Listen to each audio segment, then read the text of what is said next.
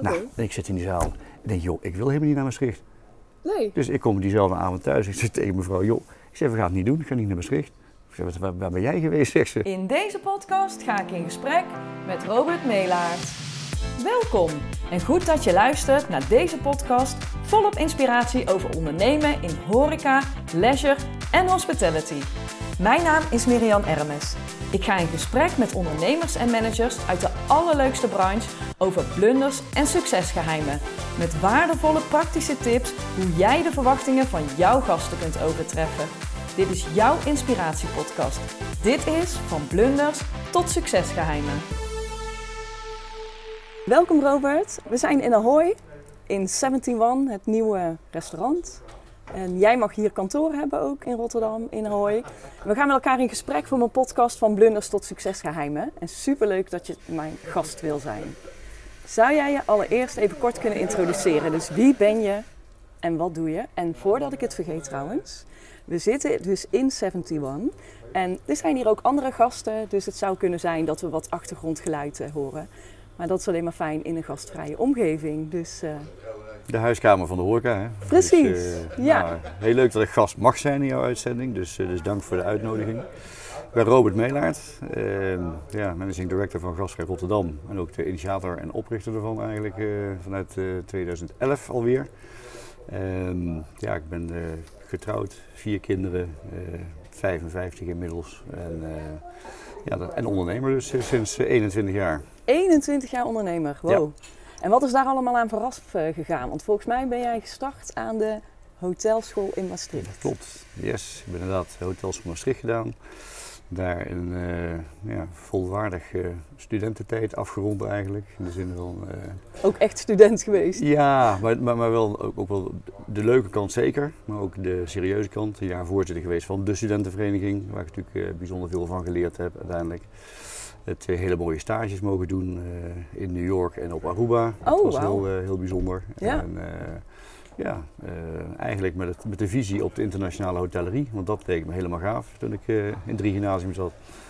Ja, zeker. En eh, waarom hotellerie dan eigenlijk? Ja, ik vond dat wel een hele gave dynamiek hebben. Het leek me leuk om dan hè, het internationale karakter te, te reizen. Ja, nou, je weet dan niet of je dat in je hebt natuurlijk, want daarom ga je naar de hotels om te kijken wat je kan. Eh, Maar ik denk, goh, als je zo'n regional functie zou kunnen hebben bij zo'n Hilton of eh, nou ja, Marriott of weet ik wat.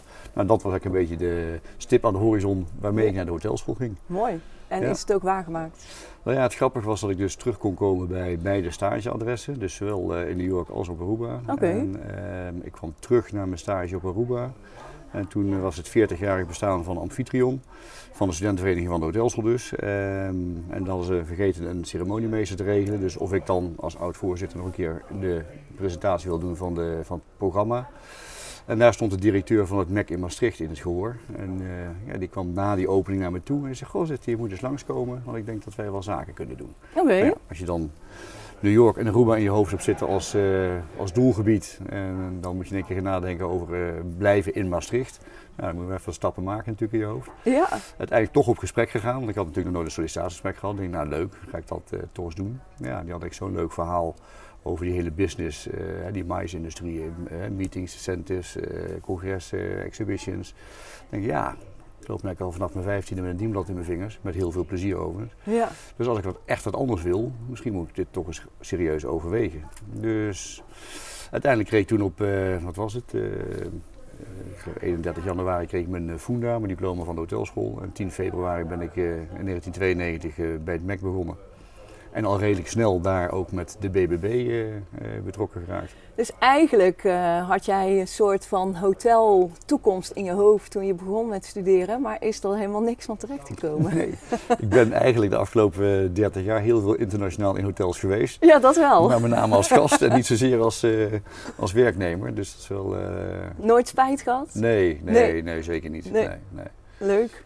En wat heb je, want je bent dus begonnen meteen bij het MEC Ja. in, eh, in eh, Maastricht. Wat waren daar je uitdagingen? Nou, het grappige was wel, mijn allereerste uitdaging was dat er een beurs, eh, eigenlijk twee beurzen, Mac Business en Mac Sale. Dat waren twee beurzen die eigenlijk in de rij plaatsvonden, waar dan een soort van kopie van gemaakt werd voor het Mac. Dat waren, ik werkte letterlijk twee maanden bij, uh, bij het MEC en ik moest daar dan in de operatie mee gaan draaien om die beurs goed neer te zetten. Uh, nou, alles stond er. Uh, maar guess what? Op de vooravond voor de beurs van zondag op maandag was er een, een aardbeving bij Herkenbos. Oh. De aardbeving in Limburg. Ja, die heb ik ook meegemaakt. Nou ja, dat. Ja. En, uh, dus de telefoon stond rood gloeiend. Iedereen dacht dat de beurs ook ingestort was. Dus er kwam uh, niemand op bezoek. Oei. Dus lege hallen lege gangpaden. Exposanten stonden om tien uur s ochtends al te voetballen in het gangpad. Dat je denkt van, oh my god, wat, wat moet dit nog worden?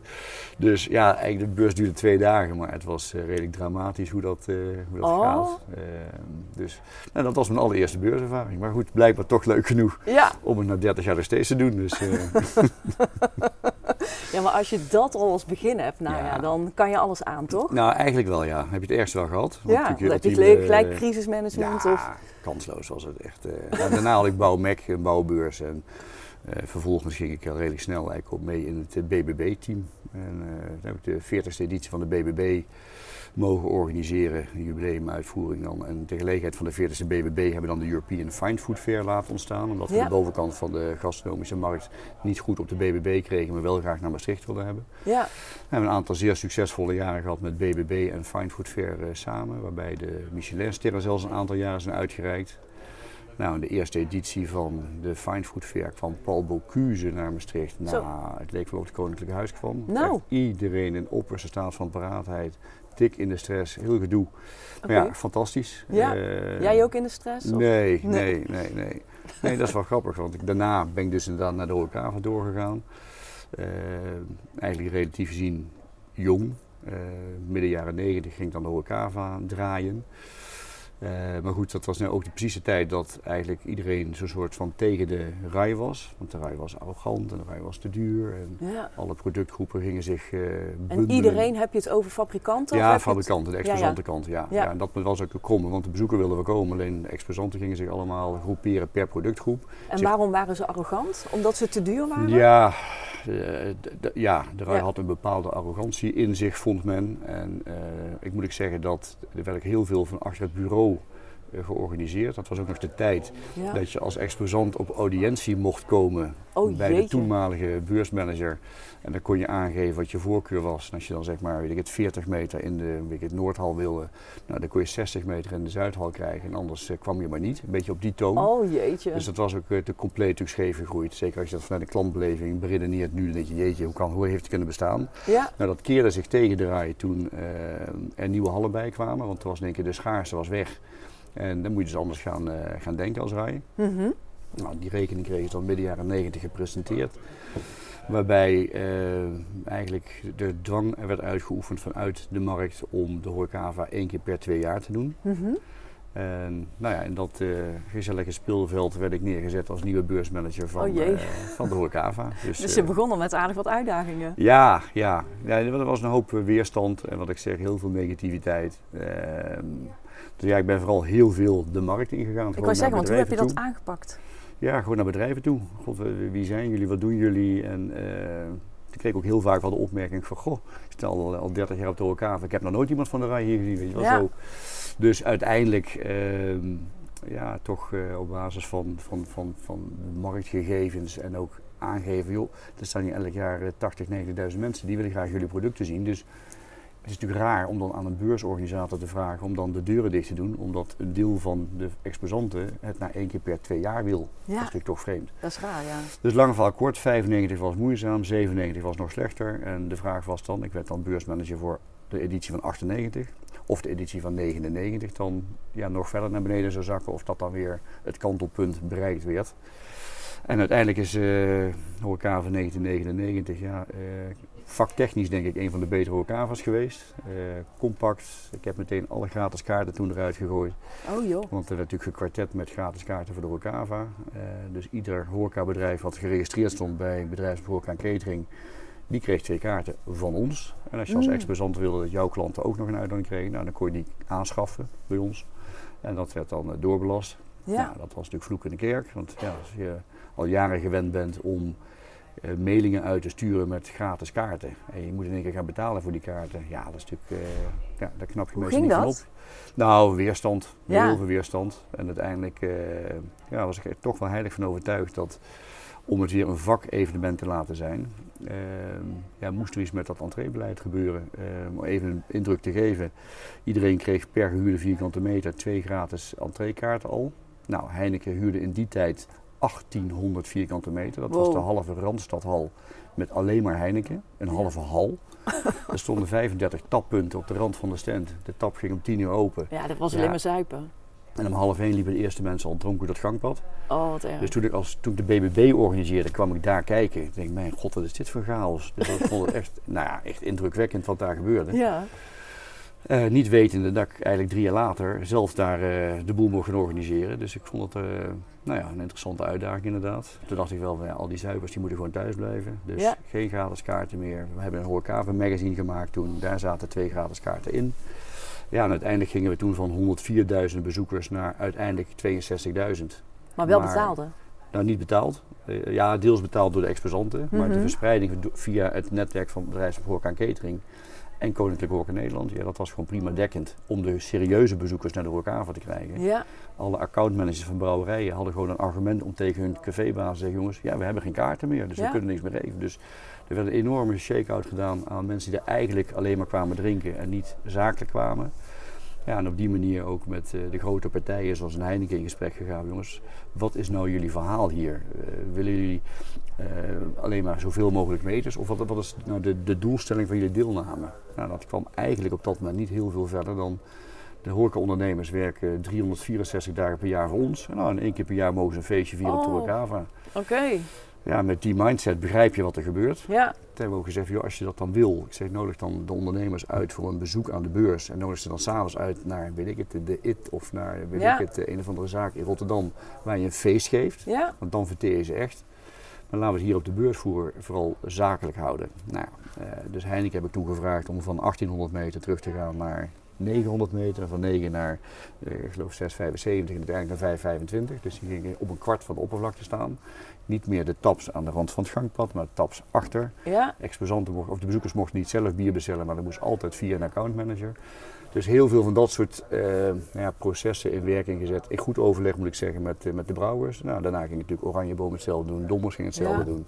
Dus toen kregen we weer steeds meer de vakbeurs terug. En uiteindelijk had ik in, eh, op de Horecava 2000, dat was de allereerste beurs in de nieuwe eeuw. Hè, want natuurlijk net na de jaarwisseling. Ja. Iedereen nog bang voor de millennium bug. Millennium. Ja, oh ja, Het dat gaat alles op tilt met alle systemen. Ja, dan heb je ook wat te doen natuurlijk met je, met je horecabeurs.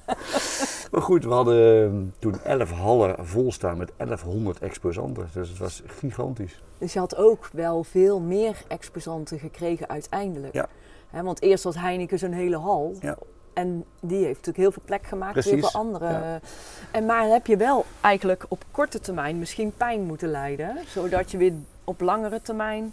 Nou, ik kreeg wel eh, een stevige discussie met de rijdirectie. Ja, dat snap Die ik. vroegen zich echt wel af wat ik aan het doen was met Heineken. Want ja, je gaat Ja. niet zomaar 900 meter eh, af, Ja. af laten boeken. Ja, en dan in Amsterdam. Ja, Ja. dus ik heb ook niet gevraagd of Heineken niet wilde komen. Ik heb alleen Nee. gevraagd of ze kleiner wilden komen. En dat moet ik zeggen, dat doe ik nu nog steeds. Eh, ik ben natuurlijk nu met de tiende editie van Gasvrij Rotterdam bezig. ja. En ook daar adviseer ik bedrijven echt om de meters te nemen die ze nodig hebben. Dus stel je doelstellingen vast. Ja. Baseer daar je vierkante meters op die je nodig hebt. Ook het type stand wat je nodig hebt. Maar ik heb liever exposanten zeg maar eh, vijf jaar achter elkaar met eh, 20 meter dan één keer met 100 meter. Dat Ja. daarna zeg maar niet succesvol is gebleken.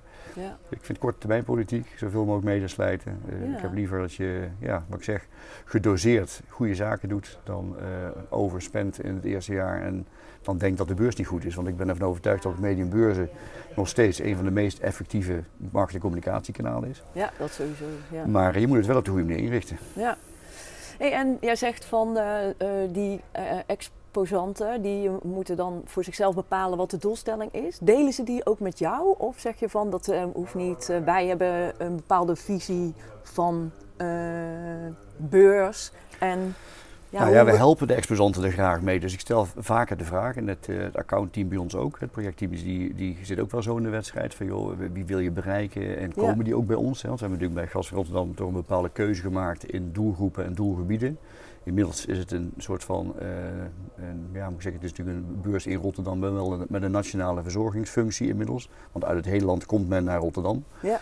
Afgelopen editie hadden we bijna 17.000 uh, ondernemers en managers die het uh, de moeite waard vonden om hierheen te komen. Nou, dat vonden wij natuurlijk heel plezierig. Ja, snap ik. Ehm, maar dan is de vraag, als je dus met, uh, we kregen een aanvraag van een bedrijf wat, wat gokkasten levert, 80 vierkante meter. Ja, natuurlijk leuk voor de omzet. Alleen denk ik, ja, dat gaat natuurlijk nooit wat worden. Nee. Dus we hebben ook echt vriendelijk verzocht om niet in te schrijven. We hebben ze ook geen stand toe. Ja, jij wil zeggen, de, de, gasten die komen, die zijn niet geïnteresseerd in gokkasten. Nee, en ik vind het niet passen binnen het concept. Nee. Dus dan zeggen we, joh, we houden wel de, het, het, het, uh, het, speelveld van exposanten en bezoekers zo zuiver mogelijk. Het is een vakbeurs voor het midden- en hoogsegment uh, gastronomie. Daar horen die gokkasten niet bij. Nee. Omgekeerd uh, ja, hebben we de bezoekersdoelgroep vastgesteld op ondernemers en managers binnen dat midden- en hoogsegment van die uh, gastronomie. Ja, uh, dus uh, het, het, zeg maar, het, het hele, ja, noem het een beetje dubieuze segment met alle shotjes en dingetjes, ja. dat hebben we hier wat minder. Ja, ja. het hele fast service kanaal ook minder. maar ja, alles wat professioneel zich oriënteert is hier wel. Ja. Hey, maar jij zegt van, want je ging van het MEC naar de RAI. Ja. Van de RAI ben je gelijk naar Rotterdam gegaan? Nee, eigenlijk niet. Ik, uh, ik heb dus uh, zeg maar 4,5 jaar bij het MEC gezeten en uiteindelijk daarna 4,5 jaar bij, uh, de bij de RAI. Daartussendoor moet ik zeggen, ik kreeg toen een aanbieding bij, om bij de Brabanthallen, die wilden van V-markt zich transformeren naar evenementenlocatie. Nou, er werd ook nog echt serieus veemarkt gehouden toen. En, mhm. dat, uh, en dat rook je ook, zeg maar, oh, uh, door het hele gebouw heen. Uh, maar ze willen steeds meer beurzen, evenementen, concerten. nou, dus die evenementlocatie moest gevuld worden. Nou, met de kennis van MEC werd gevraagd ja. of ik dat een soort van kwaliteitsslag in die, in die hallen wilde maken. Dat heb je gedaan ook? Ben ik begonnen, ja. Ik was 1 mei ben ik begonnen, 96, bij de Brabanthallen. Ja, en daar ging niet heel veel veranderen, want dat was uh, redelijk ja, ambtelijk ingestoken. Het was ook van de gemeente van origine. Mm. Uh, was het niet van Libema toen? Jawel, het was wel, oh, wel, van Libema, maar het was ook wel met heel veel medewerkers nog van vroeger. Ja, ja, ja. Uh, dus de, de, de nou ja, bereidheid tot verandering was beperkt. En eigenlijk redelijk snel kreeg ik een telefoontje uit de RAI dat de ja. beursmanager van de Horecava weg wilde gaan. en de commercieel directeur, Rens Bakker, die, die vond dat ik dat moest komen doen. Nou, dat leek me een mooie uitdaging. Dus, ja, uh, dus je was eigenlijk al vrij snel weg. Dus binnen een half jaar heb ik uh, de hing stapsprong zeg maar, via een bos naar uh, ja, de rij gemaakt. Ja. En ja, ben ik, ben ik het eind november toen begonnen als de nieuwe van de Horecava. Dus dat. en dat heb je 4,5 jaar gedaan? Ja. En daarna? Ja, en ik moet zeggen, ik kwam eigenlijk binnen en toen had ik een business unit manager. Die, ja? die had dan allerlei beurzen in zijn portefeuille. En ik dacht, wat een, wat een shitbaan is dat? Met al die mensen, alle verschillende, nou ja, uh, moet ik zeggen, ja, hoe moet ik dat zeggen, uh, adviescommissies en oh, ja. uh, nou, allemaal van dat gedoe. Het leek mij helemaal niet leuk. Nou, binnen een half jaar gingen twee van de drie business unit managers op die afdeling weg. En toen werd de afdeling opnieuw ingedeeld en werden uit de 30 beursmanagers werden er zes productgroepmanagers geselecteerd. Nou, en toen werd ik dus productgroepmanager voor het domein uh, horeca, catering en retail. Dus alle fysieke beurzen, maar ook alle printuitgaves en websites die natuurlijk gigantisch in opkomst waren in die tijd. Dat viel allemaal onder het domein wat je dan moest gaan, eh, gaan aansturen. Uh, dus het was uh, een fulltime job om die horeca weer op de rit te krijgen. En daarnaast een hele productgroep met ook de bakkerijdagen, vis, de plus gemak, een hele... Oh, dat kreeg je er ook allemaal bij? Ik kreeg allemaal bij, ja. ja. Dus uiteindelijk had ik denk ik uh, 40, 15 jaar, misschien wel 60 procent van de portefeuille van mijn business unit manager kreeg het eigenlijk binnen een half jaar op mijn eigen bord. Wel een mooi compliment. Ja, zeker, zeker, ja. zeker. Dus uh, superleuk ook uiteindelijk. En uh, het was wel leuk dat dit allemaal food gerelateerd was uiteindelijk. Dus daar was het wel op, uh, op ingedeeld. Dus uh, horeca, oh ja, catering, tuurlijk. retail. Dus het was ook gewoon dus in ieder geval affiniteit. Ja. ja. Dus never dull moment. Nee, precies. Oh, en hoe ben je eigenlijk dan bij Gastvrij Rotterdam terechtgekomen? Nou, ik ben in 2001 uh, bij de rij weggegaan. Toen had ik zoiets van, ja, wat ga ik nou doen? Uh, het was een beetje een ongelukkige situatie. Ik werd gevraagd, ik, ik, mezelf letterlijk de ziekte gewerkt en ik kreeg Fiverr in oh. 2000. Dus na die, die enorme topeditie begin 2000 kreeg ik Fiverr. Nou, uh, daar ben je niet zomaar vanaf. Hè. Je nee. hoofd veel door en je lijf doet het even niet mee. Dus uh, nou, in die tijd kreeg ik wel het aanbod om uh, adjunct te worden bij het MEC in Maastricht. Nou, daar was ik net weg voor mijn gevoel. Dus ik denk, ja, nou weer met de hele hupse bubs uh, op te pakken en weer naar Maastricht te gaan. Maar goed, toch het gesprek aangegaan dat je in ieder geval weet waar je ja of nee tegen zegt. Mhm. Uh, uiteindelijk had ik een terugkomdag van zo'n cursus van Nijrode. En toen zei een van die inleiders daar van, uh, ja, wij jonge managers, wij worden veel te veel door onze agenda heen geduwd. En er wordt veel te weinig stilgestaan bij de vraag, wat wil ik nou eigenlijk? Oké. Nou, en ik zit in die zaal en denk, joh, ik wil helemaal niet naar Maastricht. Nee. Dus ik kom diezelfde avond thuis. Ik zeg tegen mevrouw, joh, ik zeg, we gaan het niet doen. Ik ga niet naar Maastricht. Ik zeg, waar, waar ben jij geweest, zegt ze. ik, zeg, even een uh, helder moment daar uh, gekregen bij die uh, terugkomdag van Nijrode. Ik zeg, dus, ik zeg, ga het niet doen. Dus ik heb diezelfde avond Mac afgebeld. Wat ik alleen niet wist, is dat bij de rijdirectie het niet gebruikelijk was dat je dus nee zei tegen een dergelijke promotie. Mm. Uh, dus mijn functie was al vergeven, terwijl ik nog nee, ja moest zeggen oh, tegen de directie. Want dat was allemaal voor dezelfde organisatie ja, dan? Rai je... uh, had het managementcontract met het MEC. Dus ah, uiteindelijk, uh, ja, was bij een baantje bij de, de, de RAI, dus die domeinmanagers of projectmanagers, of de productgroepmanagersfunctie, die was al vergeven aan een collega. Want oh. ik was natuurlijk met Fiverr thuis en, nou ja. en een collega die had onder andere de IT-portefeuille, wat toen helemaal uit elkaar spatte. Dus die had niks te doen. En ik had heel veel te doen, maar ik was niet. En collega Kees was er wel. En ik ging naar Maastricht, dus dat was... Uh, Allemaal zonder overleg ook? Ja. ja. dus ja, dat ging natuurlijk niet goed. Nee.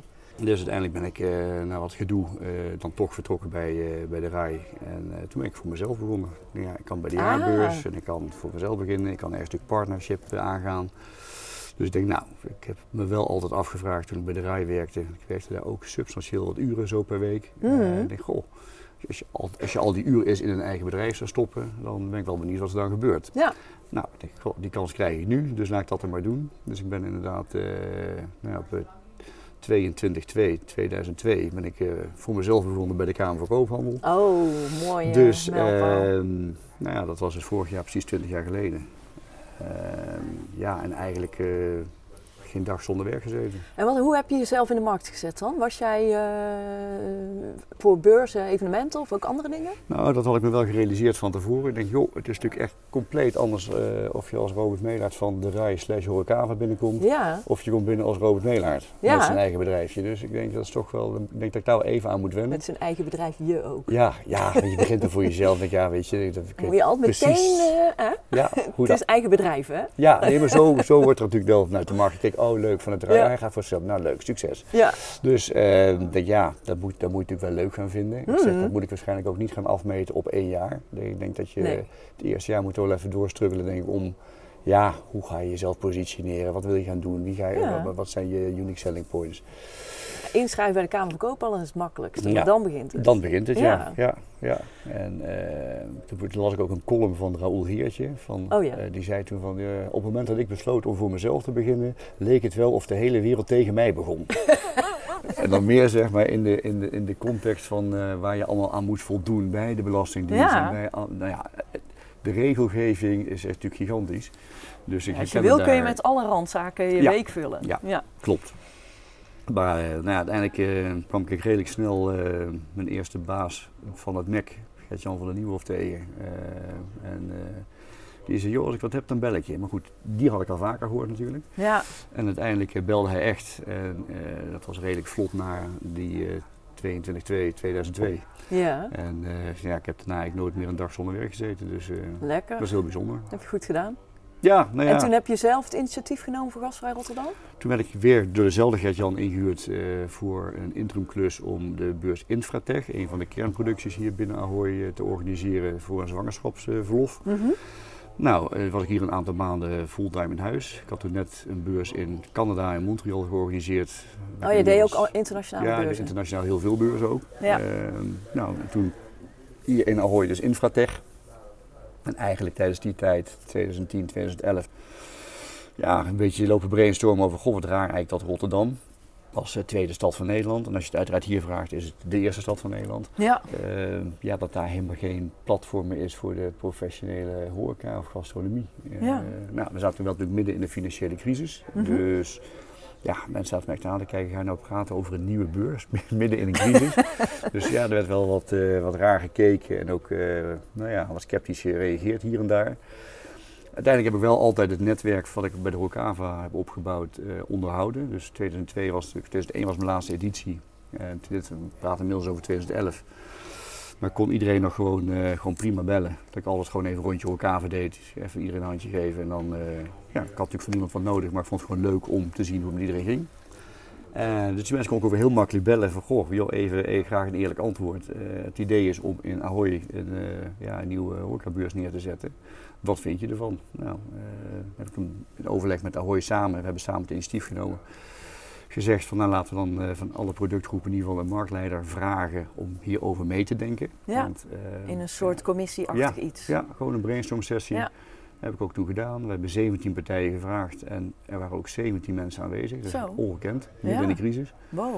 En ook de vraag toen echt op tafel gelegd van, goh, het idee is om een nieuwe horecabeurs hier neer te gaan zetten in Ahoy. Ehm, eigenlijk een beetje tussen de BBB in de goede jaren, dat hè, toen iedere, of alle aanmerken direct nog zelf stonden, Ja, en de European Fine Food Fair. Dus eh, wel beetje hoger segment. het hogere segment, maar niet zo, selectief, of niet zo restrictief als dat de Fine Food Fair was, maar wel selectief in de hele benadering. Ja, Dus aan het einde van die brainstorm-sessie, eh na alle plannen gedeeld te hebben, nog een keer de vraag gesteld van, goh ja, zeg, zijn jullie hiervoor in? Moet ik hiermee verder? Moet ik het Ja. gaan uitwerken? Of zeggen we van, joh, alsjeblieft, stop ermee. Want we hebben namelijk een hele productieve middag gehad. Toen hebben we namelijk besloten dat we geen beurs gaan doen. Ik zei, maar als jullie het wel willen, ja, dan ga ik aan, eh, aan de gang. Nou, en eigenlijk eh, unaniem aan die tafel, iedereen, nou, als dit de marsroute wil, dan, eh, wordt, dan willen wij daar wel heel graag in mee. oh, oh.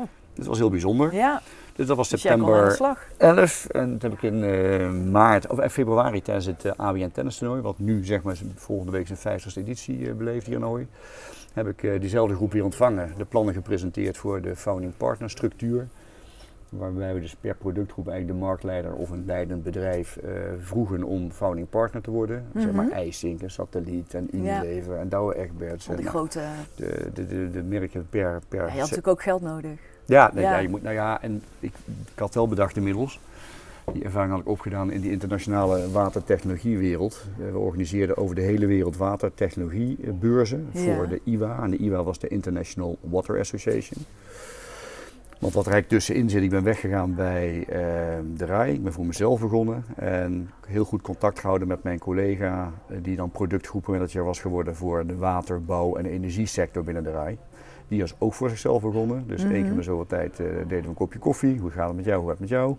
Op een gegeven moment had hij eh, een pitch gewonnen om een wereldwaterbeurs te organiseren in Marokko. Oh, Als één pitter. oh. Hij zegt, nou, Spannend. dat vind ik nog wel een dingetje. Dus kan ik jou niet inhuren om dat met mij daar Ja, te gaan te ontwikkelen.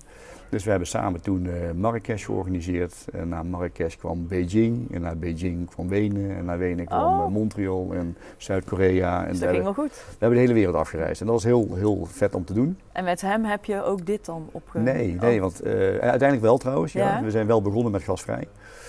Eh, ook voor, voor het Wereldwaterforum zeg maar een half jaar in, eh, in Istanbul gezeten als eh, ja, overall coördinator voor de logistics van het hele evenement. 25.000 man uit de hele wereld. Idioot project. Ik kan het boek over volschrijven. Hebben we één po- podcast te weinig eh, tijd voor. maar eh superleuk om te doen. Maar uit de in- internationale watertechnologiewereld heb ik dus gezien dat Singapore, dat was niks. En de overheid heeft toen bepaald, wij willen voor Azië de, de Asian International Hub worden voor de watertechnologie sector. Dus eh, die hebben toen twintig founding sponsors eh, gevonden. Dus ook Mhm. per productgroep een leidend bedrijf. Ah. En, eh, Zo kwam je op het idee om ja. dat ook voor... eh, en er was niks in Singapore. En in één keer was daar de Singapore International Water Week. En dat Ah. eh, 2005 volgens mij even uit mijn hoofd de eerste editie. En dat stond. En het was zes, en het was zeven, het was acht. En de, het, uit de hele wereld kwam men naar de Singapore International Water Week. Maar dan heb je daar dus wel echt van geleerd en Ja. hier meteen toegepast. Ja. En ze gingen er allemaal in mee. Ja. Dus je kon aan de slag. Dus uiteindelijk heb ik dat dus eh, februari 2012 eh, gepresenteerd. Dit is dan het idee, dit zijn de partnerpakketten. Nou, en uiteindelijk hebben we van die 17 partijen die we gevraagd hebben, hebben we er eh 15 getekend. Ja, ook redelijk uniek, want we hadden nog steeds de financiële crisis. Ja. Maar ja, toen konden we dus wel, eh, wel verder. Starten. ehm, daar hebben we zeg maar in de eerste week, nee, nee, nee, of op ehm, volgens mij 11, eh zeg dat goed? Nee, 10 juni 2012 hebben we Gasvrij Rotterdam gelanceerd. Oh, dat is nu Eh, al meer dan tien jaar. ja. Ja. Je hebt natuurlijk een paar jaar niet gehad. Hoeveel edities heb je gehad? We hebben ontzettend mazzel gehad. Oh ja, Eh, dat was de eerste weer. Ja, we waren in 2021 was het uh, in de minimutte, kunnen we wel, kunnen we niet. Want we hadden natuurlijk net de festivalpiek die weer voor de zomervakantie oplaaiden. Ja. Want we mochten wat dansen met Jansen en noem het dan maar op.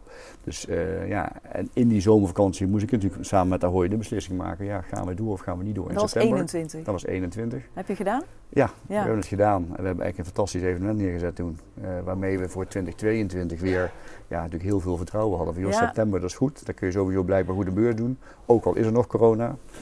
Dus we hebben afgelopen editie eh, in september de beste editie tot zover neergezet. Ja, dus, eh, Zo, mooi hoor. En ehm, als jij dan eh, je even verplaatst in het jaar 2027. Ja. Hoe kijk je dan terug op de afgelopen vijf jaar? ja, dat is een goede vraag. Eh, ja, dan hoop ik dat ik nog steeds net zoveel plezier beleef aan het, aan het organiseren van dingen. En het werken met zoveel verschillende mensen in verschillende sectoren als de afgelopen 30 jaar. Ik vind het wel erg boeiend, moet ik zeggen. Ehm, ja, dan hoop ik nog steeds dat we heel veel mensen blij kunnen maken met een eh, professionele vakbeurs eh, die Gas Rotterdam eh, heet. Je bent altijd zo goed als je laatste beurs, dus daar zijn we elk Ja. jaar weer mee bezig. Ik ben tegelijkertijd, ehm, doordat we proberen goed te luisteren naar wat er in de markt gebeurt, we hebben ook vaak weer een nieuw themapaviljoen. Dus we hebben drie of vier jaar geleden bedacht dat we een vegan taste lab moesten hebben. Mhm. Eh, waarom? Ik zag die hele vegan ontwikkeling natuurlijk overal terugkomen in de, in de markt. Ik denk, ja, daar moeten we ook iets mee op de beursvloer. Eh, daar zit mijn netwerk totaal niet. Ik dacht Nee. ook, het kan ook op- compleet niet lekker zijn. Dus ik denk, ja, hier moet ik toch andere mensen bij halen die hier eh, beter in zitten. Dus ik heb toen Proveg benaderd als branchevereniging om als kennis- en netwerkpartner op te treden voor het Vegan Taste Lab. Dus eigenlijk heb ik het bewust ook Vegan Taste Lab genoemd, omdat ik zelf ook het idee had dat mensen echt overtuigd zouden moeten worden van, het, eh, van de smaken die er nu zijn Mhm. op die hele vegan ontwikkeling. Ehm, ja, dat zat toen binnen twee weken vol. En inmiddels hangen ze daar drie dagen met de benen buiten Zo. op elke editie dat het nu geweest is. En we hebben het al drie keer moeten uitbreiden en het is echt ongekend. Oh. Dus En eigenlijk wil je een- dat groter maken of wil je meerdere van dit soort... eh, Nou ja, dat was eigenlijk een beetje mijn opstapje naar het verhaal dat ik wil vertellen. Dat de Veerle Frins, zeg maar de CEO van ProWeg Nederland, die had ik ook uitgenodigd voor een podcast. Oh zoals ja? wij hier nu zitten in 2021. Oh, ja. Eh, om zeg maar ja, wat, wat eh, insights te geven over die hele vegan ontwikkeling. Die, Mhm. eh, die, die eiwittransitie waar we allen in zitten. Eh, hoe ontwikkelt zich dat? Wie zijn die mensen? Wie, wie, hoe, hoe, hoe gaat dit zich verder ontwikkelen?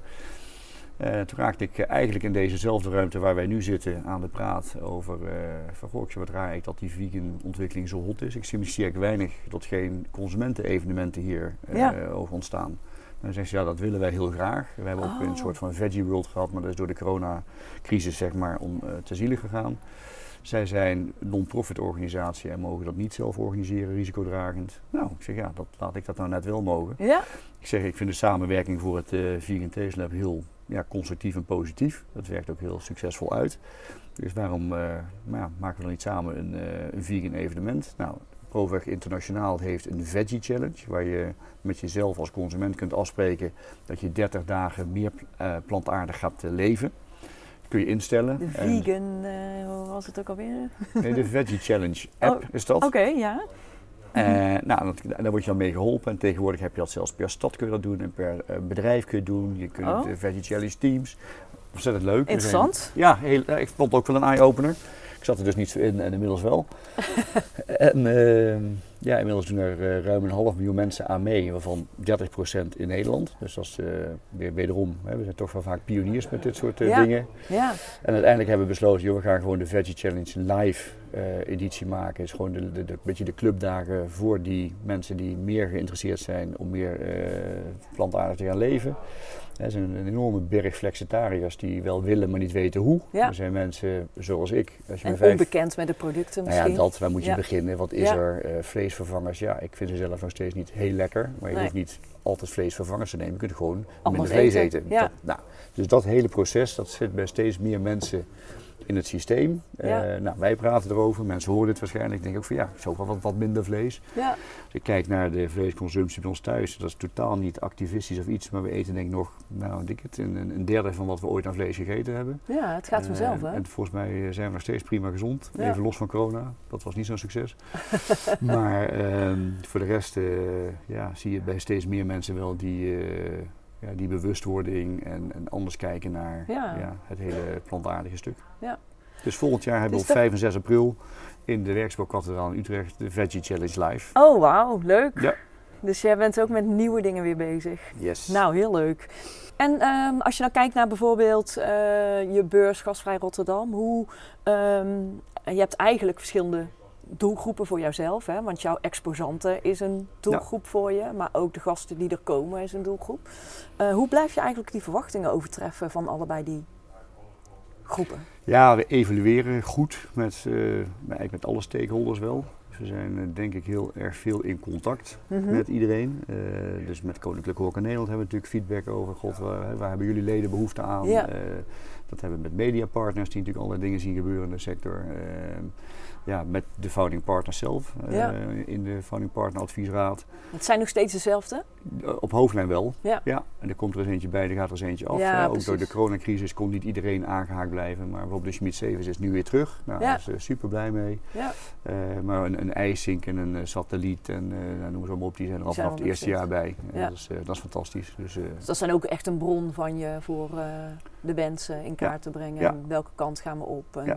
we presenteren onze plannen en we vragen feedback van joh, missen jullie dingen, moeten er nog andere dingen aandacht besteed worden. Kijk, Ja. je, je roept wat over jezelf af als je je beurs gastvrij Rotterdam eh, noemt natuurlijk. ja. Eh, en dat heet echt bewust zo, omdat ik echt oprecht vond destijds en nog steeds vind dat zeg maar gasvrijheid verlenen en gasvrijheid ervaren of beleven, ja, dat moet echt nadrukkelijker terug op de kaart. Ja. Je krijgt natuurlijk eh, ja, steeds ehm, ja, meer niet-persoonlijkere benaderingen in, in de hele gasvrijheidsbeleving. hè, Mhm. met, met de scan-apps en de, de, Ja. de, de QR-codes, noem het allemaal op. Terwijl, ehm, ja, uiteindelijk is dat natuurlijk wel de basis van de hele sector waar we actief in zijn met elkaar. Ja. Dat mensen zich eh, gewenst voelen, zich gezien voelen. En eh, ja, als je daar niet bewust aandacht aan besteedt, dan kan dat eh, vervlakken. En Ja, dat zou de dood in de pot zijn, denk ik. En wanneer is dan voor jou de beurs succesvol? Ja, eigenlijk als, je als je dus van heel veel exposanten de feedback krijgt van joh, het was, het was top, want we Ja. hebben echt de goede mensen gehad hier. Dus echt beslissers, goede gesprekken, eh, Ja. ja. heel waardevol qua eh, return on investment. Bezoekers die, eh, ja, dankjewel zeggen als ze langs de welkomstbalie naar huis lopen van goh, we hebben een topdag gehad. Ja. Eh, we zien het uit de enquêtes terugkomen natuurlijk. Wat vonden ze leuk, wat vonden ze niet leuk, wat zijn verbeterpunten.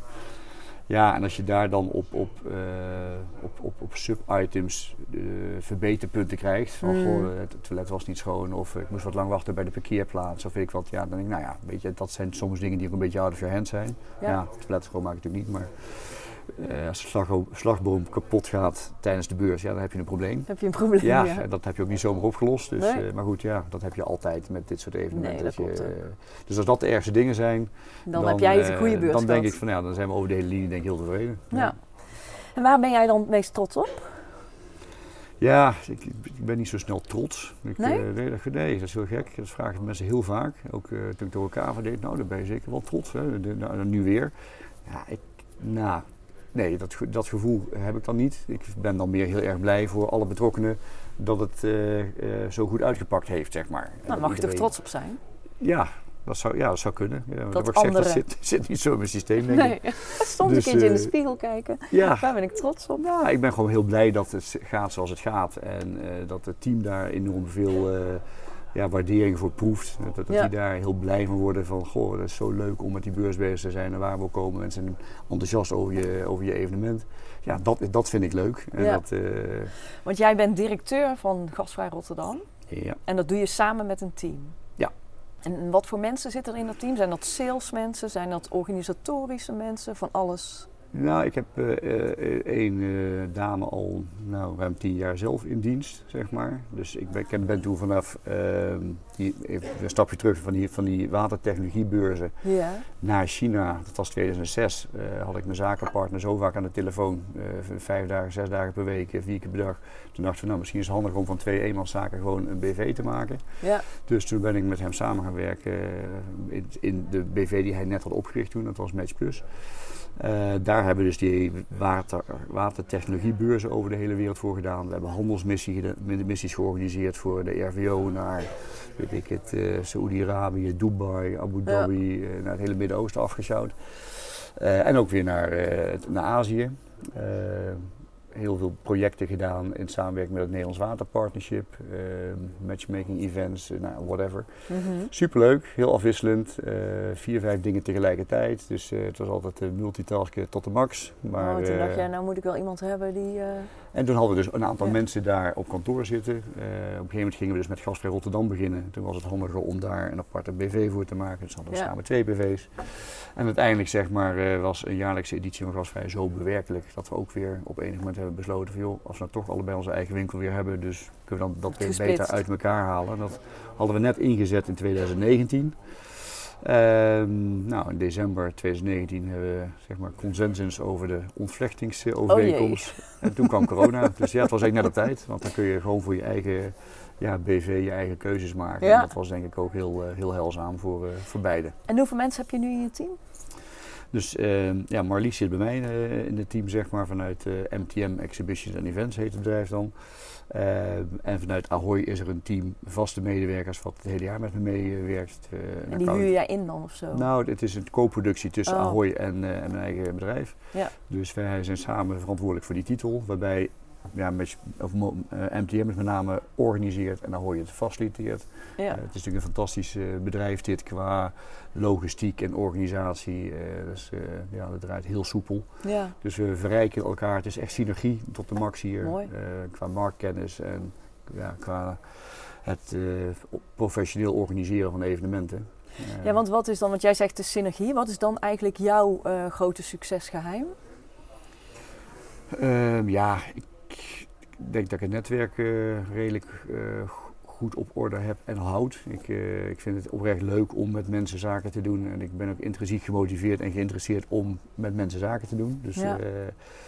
dus het netwerk is daardoor redelijk groot en al heel lang bestaand. Want ja, wat ik zeg, het, René IJsink neemt nu afscheid binnenkort, maar die, die ken ik al vanaf de BBB ja. in 1993. Dus die, die man die ken ik 30 jaar. Ja. en zo zijn er eigenlijk heel ja, veel. Heel loyaal ook en heel goed Ja. met het onderhouden van je netwerk. Ja, ik denk dat ik zorgvuldig ben op, met de mensen met wie ik omga, met wie ik werk. En dat, dat helpt denk ik wel. Ja, mooi. En ehm, een succesvolle ondernemer, die maakt natuurlijk ook blunders. Ja. ja. Ik ben benieuwd naar jouw blunder. Ja, ja blunders, blunders. Uh, ja, echt, echte blunders zou ik niet zo 1, 2, 3 weten. Ik bedoel, ik beweeg vaak dingen af en dan neem je een beslissing. En dan vind ik het, ja, als het dan niet goed uitpakt, vind ik het niet per se een blunder, maar dan is het gewoon uh, iets wat niet goed uitpakt. Maar wat, wat, wat wel, um, nou ja, waar ik wel uh, bijna de mist in ging, was in China. Dat is natuurlijk sowieso heel anders zaken doen. Toen hadden we zeg maar, de World Water Exhibition in, in Beijing in de stijger staan. Dat was een hele grote beurs. Wanneer was dat? In 2006. Mm -hmm. En um, nou, het was zo'n groot congres. Er waren ook zoveel aanmeldingen voor het congres en ook voor de beurs dat het hele gebouw vol zat. Mm -hmm. Dus in de zaal waar de openingsceremonie met uh, 2.500 man was, moest uh, na die openingsceremonie op zondagavond, moest dus uh, die zaal leeggeruimd worden qua stoelen en qua setting van het openingsverhaal. En er moest overnight moest dan nog die beurshal gebouwd worden. Dus we hadden Oh. daar alle uniforme standjes neergezet, dus dat moest dan wel gebouwd worden. Ja, dat was natuurlijk echt, nou ja, eigenlijk kon het niet, maar toch deden we het dan. Want ja, we hadden niet heel veel keuze, want ja, die standruimte was wel verhuurd. En om zeven uur de volgende ochtend kwamen de exposanten hun standje inrichten. Want om half negen ging zeg maar de beurs, De beurs open. Ja. Hadden ze anderhalf uur? Anderhalf uur inrichten, maar goed, met allemaal standjes van 3 bij 3, 4 bij 3, uniforme bouw. Ja, Ah, meubilair staat erin, dus je zet je rollenbanner er neer en je legt je brochures. Dus op zich kon het wel, qua inrichting van de stands. Maar dan moeten de stands natuurlijk wel staan. Ja, China is toch een andere manier van, eh, van zaken doen. Eh, het is, het- het- we knikken vaak ja, maar ze bedoelen eigenlijk nee. Ja, ik dus weet het wel is, eh, dat is best lastig. Dat hadden we al toen we daarheen gingen. Normaal als wij op locatie ergens in de wereld een beurs organiseren, ja, dan was 80, 50, 80 procent was gewoon geregeld. Dan Ja. goed georganiseerd. En dan had je 15 procent, dat moet je dan aan l'improvies eh ter plekke aan elkaar organiseren. En we zaten in het vliegtuig naar Beijing en we dachten van, goh, we hadden echt het idee dat 40% een soort van fixed was en 60% nog Nog? Bij de opbouw eh, zijn plek moest krijgen. En ja, die Chinezen die, die, die, die veranderen Oh, steeds de spelregels. Een contract is eigenlijk meer een soort van praatstuk waar je morgen weer gewoon compleet opnieuw over, over kunt gaan beginnen. dus het was best eh, heel eh, bijzonder, eh, om het netjes uit te drukken.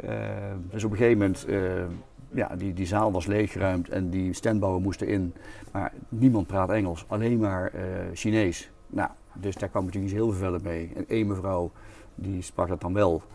Ehm, ja, die had dan blijkbaar niet de meest actuele plattegrond doorgegeven. Nou, op een gegeven moment begint wel de tijd te dringen.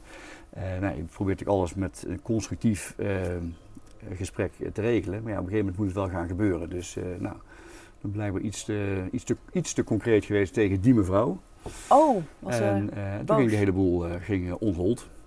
Dus niemand deed me wat. Nou, er staat er een hele hal braak. Hier en daar een, een soort van framepje van een stand die nog gebouwd moest worden. En er was niemand meer te bekennen, dus iedereen was weg. Nou, en toen? Oké, ja, dus ja, dan uitzoeken waar het probleem precies zat. Want voor ons gevoel hadden we nog helemaal niks verkeerd gedaan. Dat we gewoon aangegeven dat er nu wel wat moest gebeuren. En dat ze dus de plattegrond van twee maanden geleden aan het gebruiken waren. Die dus gedateerd was. Dus nou ja, lang van kort, het was een uh, lange hete nacht, zullen we zeggen. Uh, dus we moesten echt uh, diepe excuses maken. En, Jullie? Ja, ja, want we hadden natuurlijk die mevrouw heel erg geschoffeerd. Maar ik was me echt van geen kwaad bewust. Want, en ja, een hele andere cultuur. Ja, we hadden gewoon heel duidelijk gezegd ja, dat dit niet kon. En dat het nu wel tempo moest. Want ja, die, die hal moest er gebouwd worden. Nou ja, goed, lang van kort, uiteindelijk... we zijn om half negen open gegaan. Dus, ja? Ja, we zijn om half negen open gegaan. Oh, en wat heb je ervan geleerd? Nou ja, dus, hoe het ook brengt of verkeerd, de verschillende culturen, dat maakt het werk ook wel heel interessant, vind ik. Dat je, ja, je, je, bent je er bewust van en alsnog, zeg maar, uh, vlieg je uit de box met zoiets. Ja, en dan moet het alsnog voorzien dat het uitrecht uh, regelt. Jeetje, Mina, maar dat is wel een spannende nacht geweest voor jou. Ja, nou, het was intens, ja. ja. Eind goed, al goed in dat. ieder geval. Um, wie is jouw grote voorbeeld?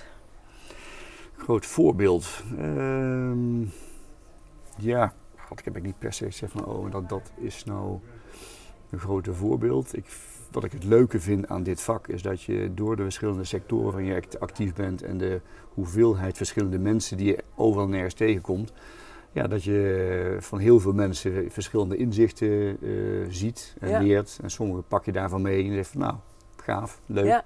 Nooit zo gezien, maar slim. Dus dat vind ik wel heel, uh, heel ja, moet ik zeggen, verrijkend in het hele proces van omgaan met heel veel mensen. Ja, dus je hebt niet echt één voorbeeld, maar je pikt van ja. heel veel. Ja, je ziet natuurlijk zoveel mensen en bedrijven. Ja, ja, ja.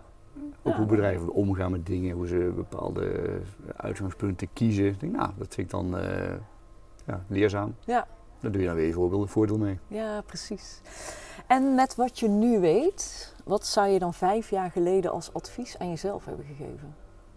Ja, het grappige is dat ik eigenlijk, heel, dat ik weinig uh, spijt heb van dingen. Dus ik denk meestal redelijk goed over dingen na. En met de wetenschap van dat moment ja, neem ik een beslissing en dat vind ik eigenlijk prima. Dus ik zou niet zo snel zeggen van oh, dat had ik, oh nee, dat had ik echt niet moeten doen. Of wel, nee, ik denk dat alles redelijk uh, wel doordacht gedaan is. En ja, ja volgens nog ook goed uitpakt. Dus ik heb er weinig, uh, Mooi. weinig spijt, zeg maar. Dus jij leeft eigenlijk gewoon, of in ieder geval alles neem je mee en al je, je lessen en uh, dat soort dingen. En je kijkt eigenlijk niet echt terug, volgens mij. Uh, nee. nee. Ja, meer dat, dat ik heel, heel uh, ja, het, uh, dankbaar ben voor dat ik dit heb mogen doen zo lang. Ja, dat En dat het me gebracht heeft waar ik, waar ik nu ben. Dus ik, en ik vind het nog steeds leuk. Mooi. Ten slotte heb ik nog een aantal keuzes voor je. Kijk. En het liefst zo kort mogelijk antwoorden. Cocktails of mocktails? mocktails denk ik inmiddels. Ja. ja. Internationaal of lokaal? Internationaal. Instagram of TikTok? Uh, ja, ergens krijg ik een beetje jeuk van, uh, van de social media. Maar dan TikTok, daar doe ik überhaupt niks mee. Uh, dan Instagram. robotisering, is het een kans of een bedreiging?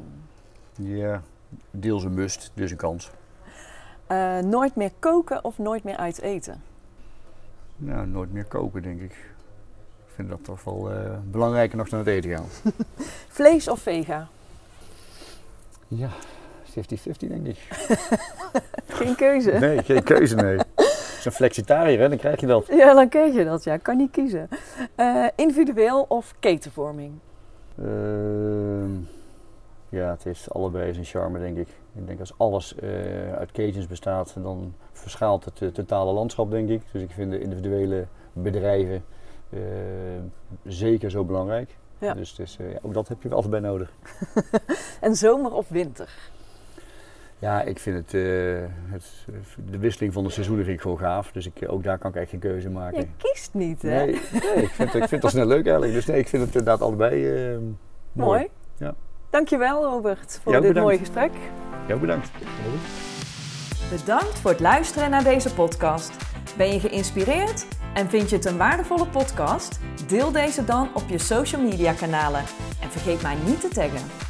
Ben je ook zo nieuwsgierig naar de volgende aflevering en wil je niets missen? Abonneer je dan op deze podcast. Wil je meer informatie over horeca, leisure en hospitality? Ga naar mirianermes.nl en volg me op LinkedIn, Instagram en Clubhouse.